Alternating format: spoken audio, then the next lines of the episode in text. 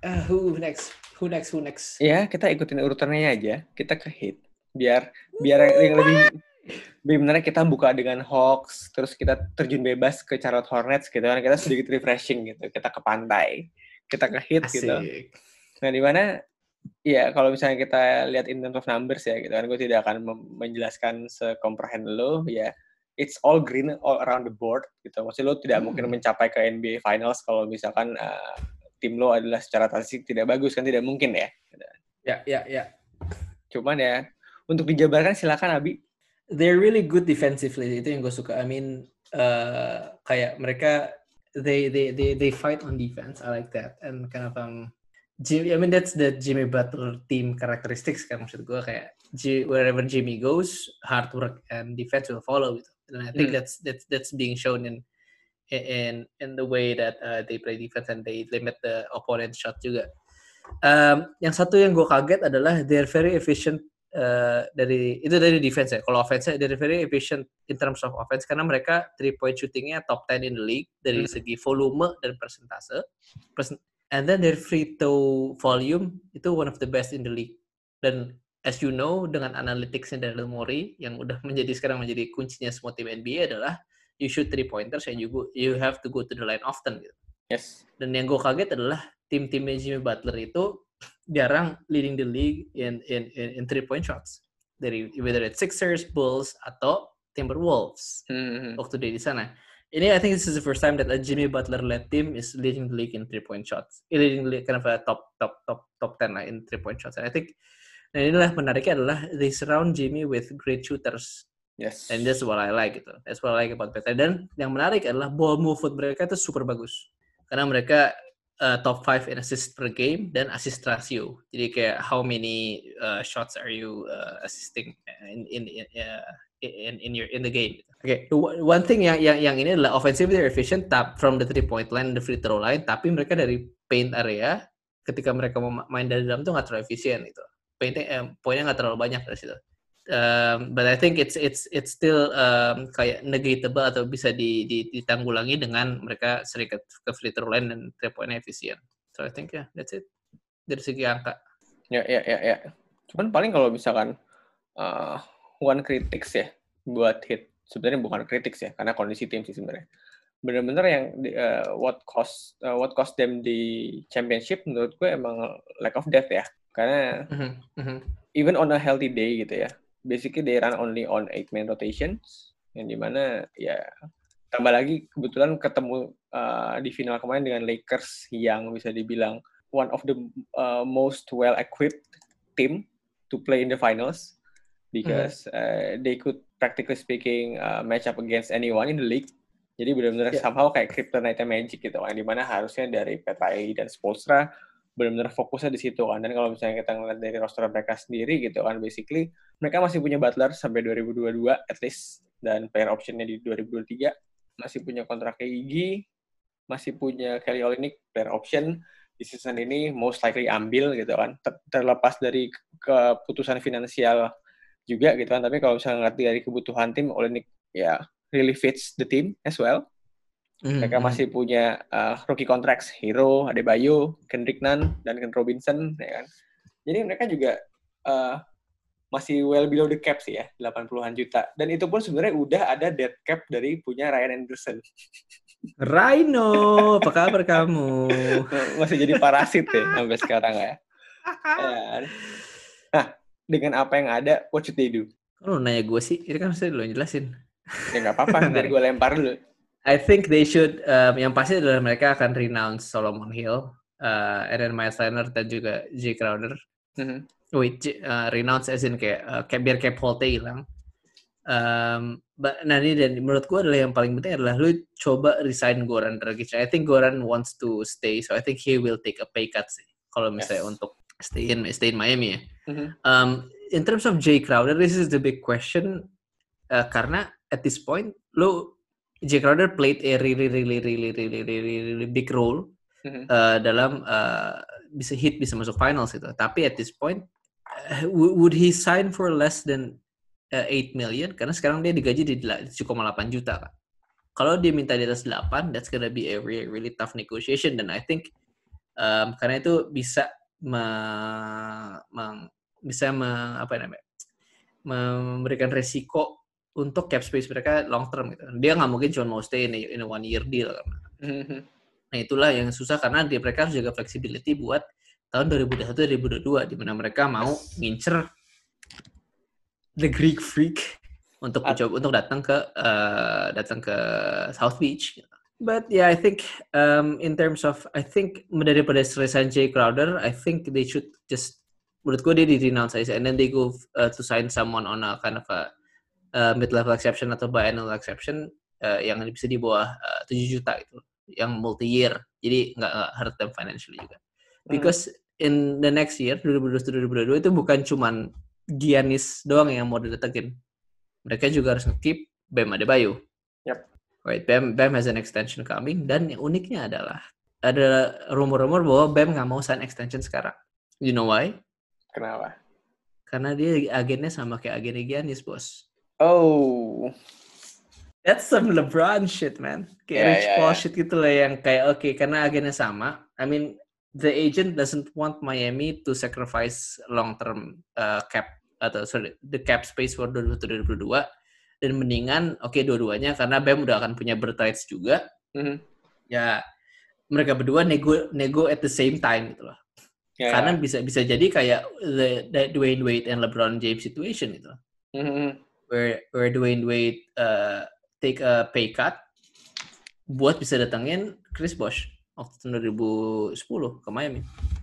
So I think it's it's it's something that's that's that that needs to be ini sih uh, kayak apa? um, Kalau gue jadi GM GM lain gue akan memantau situasi itu gitu loh.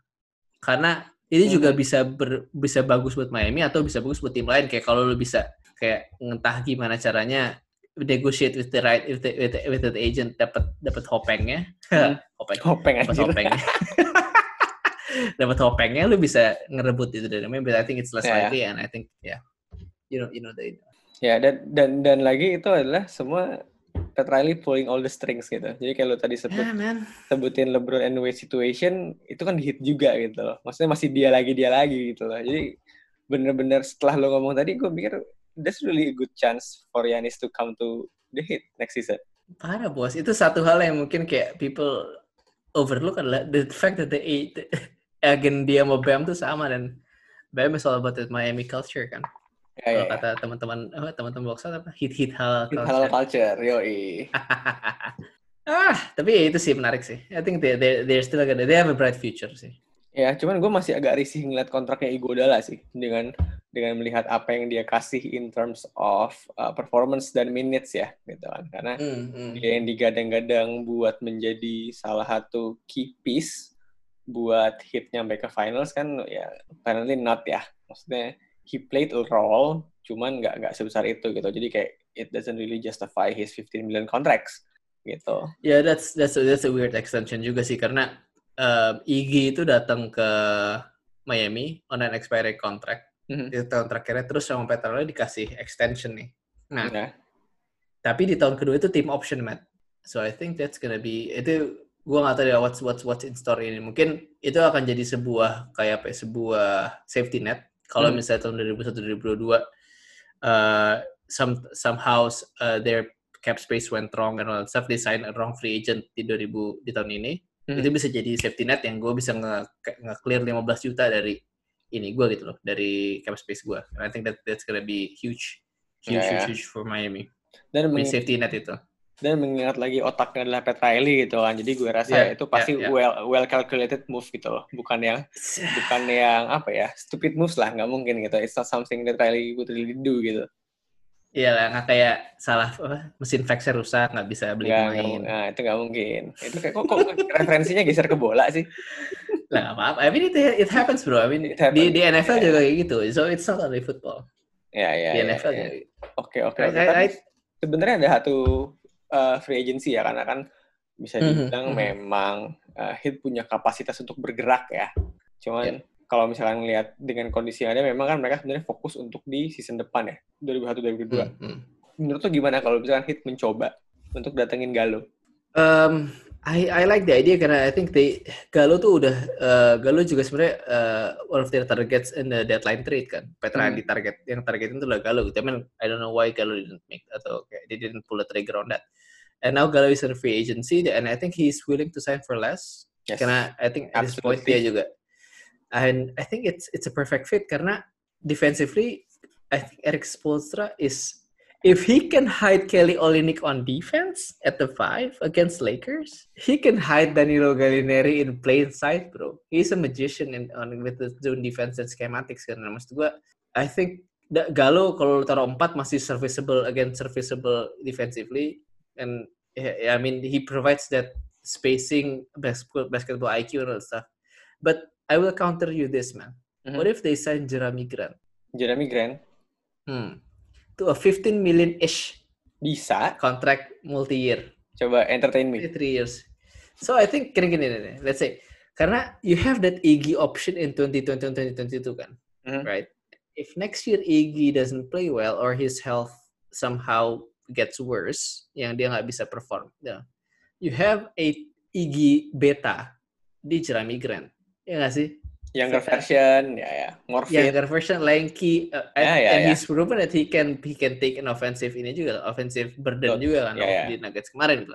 If you sign him to a kind of a 15 million ish contract, ini gue lagi sambil ngitang-ngitang ngitang-ngitang, and then you sign Bam to a 25 million uh, 25 million extension ya. Hmm.